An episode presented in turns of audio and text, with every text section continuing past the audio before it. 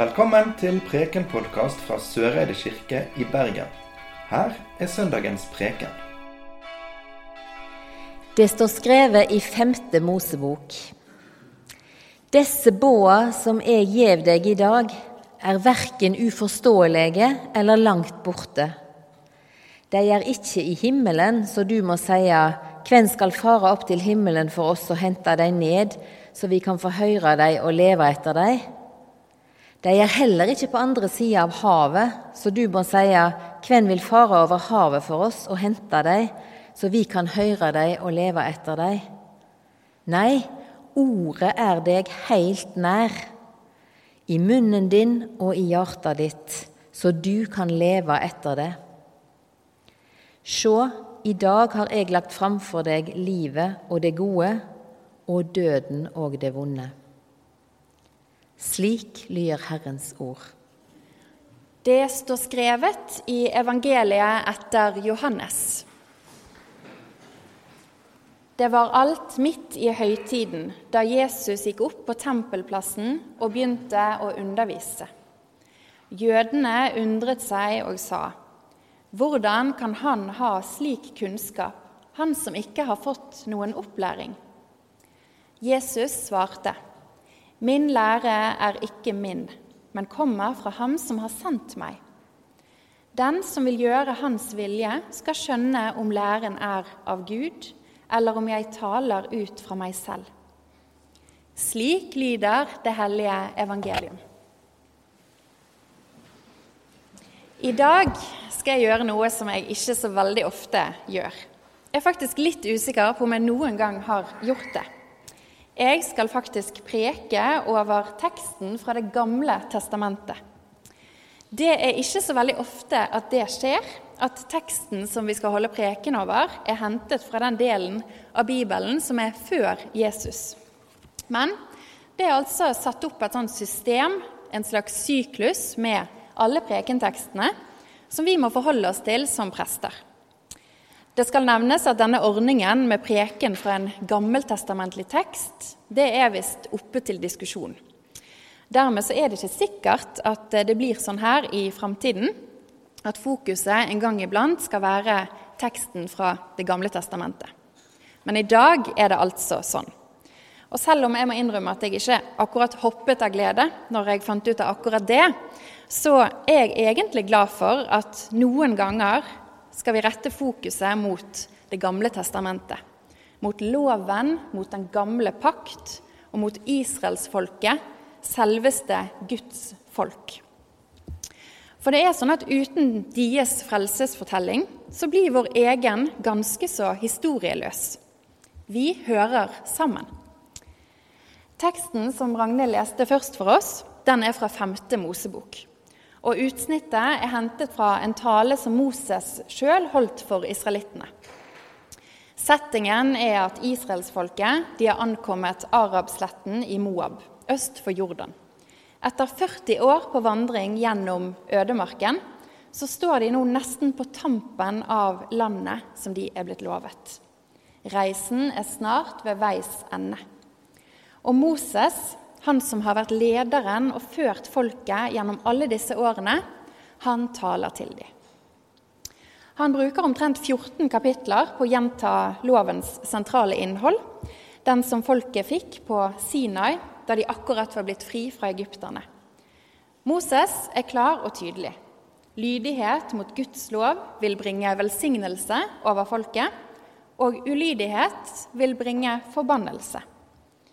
Dette er ganske velkjent for israelittene som hører på. De har jo tidvis gått ganske regelrett på trynet gjennom alle disse 40 årene og fått erfare dette her på kroppen. Men de har òg fått brød fra himmelen, og de har fått kjenne på Herrens harme. De kjenner loven. Men det som Moses sier her i vår tekst, det må leses sammen med en annen tekst, nemlig den teksten som på en måte har blitt stående som jødedommens trosbekjennelse. Shema, som den kalles, den fungerer som et slags ekko gjennom hele femte Mosebok og hele jødedommens historie. Shema det betyr 'hør' og lyder sånn her. Hør, Israel, Herren er vår Gud, Herren er én. Og så kommer det viktigste budet i loven. Du skal elske Herren din Gud av hele ditt hjerte og av hele din sjel og av, av all din makt. Deretter så følger det et viktig oppdrag. Disse ordene som jeg pålegger deg i dag, skal du bevare i ditt hjerte. Du skal gjenta dem for dine barn og snakke om dem når du sitter i ditt hus, og når du går på veien, når du legger deg og når du står opp. Du skal binde dem på hånden som et tegn og ha dem på panen som et merke. Du skal skrive dem på dørstolpene i huset ditt og på portene dine. Overalt, i alt det de gjør, så skal israelsfolket huske på at Herren er vår Gud. Det å huske, det gjøres gjennom fortellingen. Gjennom å fortelle videre i ord og handling til de kommende generasjonene at Herren er vår Gud. Israelsfolket er et utvalgt folk til alle tider. Hvis vi nå går tilbake til Moses sin tale Han sier at budene og loven verken er ufattelige eller langt borte. Det er ikke sånn at man må krysse himmelen eller noe hav for å finne dem. Nei, ordet er deg helt nært, i din munn og i ditt hjerte, så du kan leve etter det. Derfor kan alle som hører på, kjenne til både livet og det gode, og døden og det onde. Altså er det sånn at alle som er en del av gudsfolket, som får budene presentert for seg gjennom fortellingen, de har fullt og helt tilgang på dem. Guds bud er nære og lettfattelige. Guds bud som gir oss eh, kunnskap om det som er godt og til oppbyggelse, og òg det som er vondt og til forbannelse. De budene er i gripbar nærhet. Ordet er deg helt nært.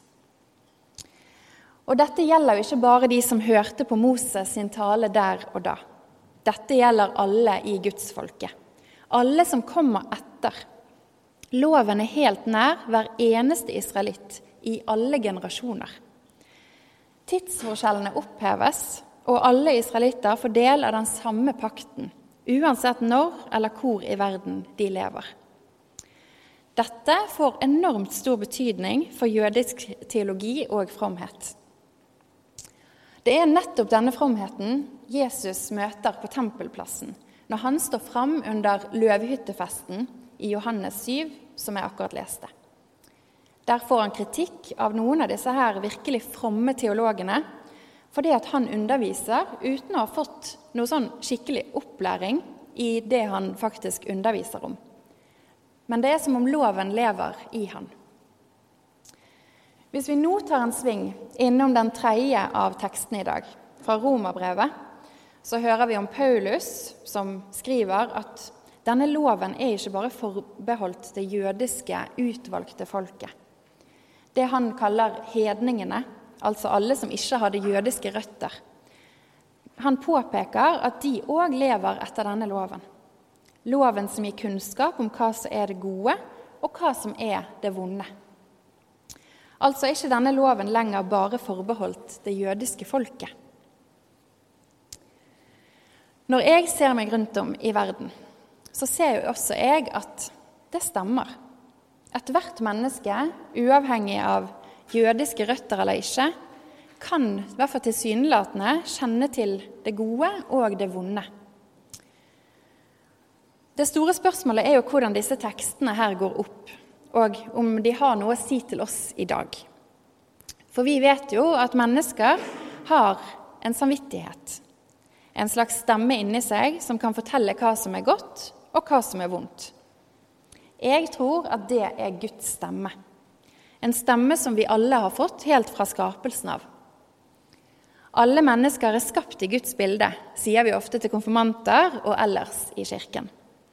For meg så må det bety at alle har litt av Gud i seg. Og kanskje det er riktig å kalle det en stemme. eller å se på det som et ustemt instrument som venter på og som lengter etter å bli stemt. Og at det er i møte med Gud at denne stemmen, eller dette instrumentet, kommer til sin rett. Dette er ikke helt ferdigtenkte tanker fra min side, men kanskje er det noe der. At Guds stemme fra skapelsen av ligger i hvert enkelt menneske. Og at vi gjennom møter med Gud kan lære denne stemmen å kjenne. Det var jo det Jesus gjorde. Han som ble menneske, han levde livet sitt tett på Gud.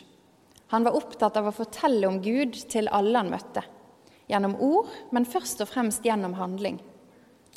Han møtte mennesker med kjærlighet, han reiste mennesker opp, og han lærte mennesker å be for sine fiender.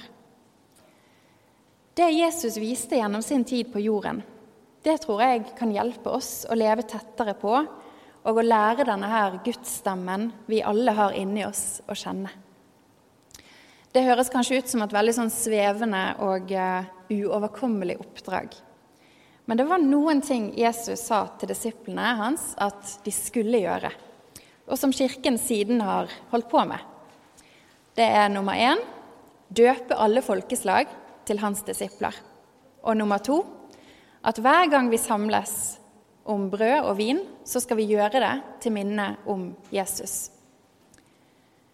Det er det som er oppdraget.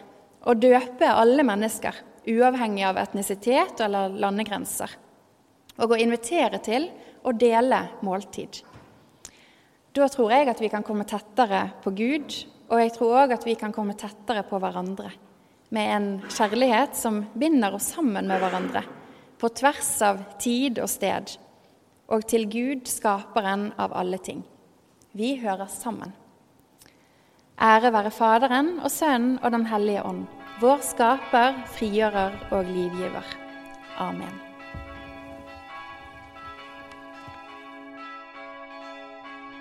Du har nå hørt Preken-podkast fra Søreide kirke i Bergen. Følg oss gjerne på Facebook og Instagram, eller gå inn på vår nettside kirken.no soreide. Takk for at du hørte på.